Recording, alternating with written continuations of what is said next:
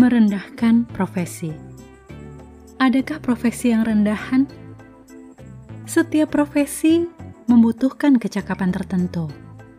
Tidak semua orang sanggup mengerjakan semua hal, termasuk orang yang memiliki jabatan tinggi belum tentu bisa mengerjakan pekerjaan yang nampaknya di posisi rendah. Sekali lagi, menurut saya tidak ada profesi yang rendahan. Sekali lagi, menurut saya tidak ada profesi yang rendahan. Yang ada hanyalah sudut pandang dari seseorang yang menilai profesi itu sendiri. Dan saya tidak akan mengecilkan profesi sendiri, apalagi ketika sudah mengerjakan dengan segenap hati dan tahu persis apa nilai yang saya tanamkan dalam setiap hal yang saya kerjakan.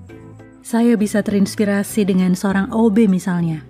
Namun ketika ia melakukan pekerjaannya dengan segenap hati, buat saya itu lebih tinggi nilainya ketimbang posisi manajer yang bisanya hanya memerintah dan perlu diingatkan tugasnya sana dan sini.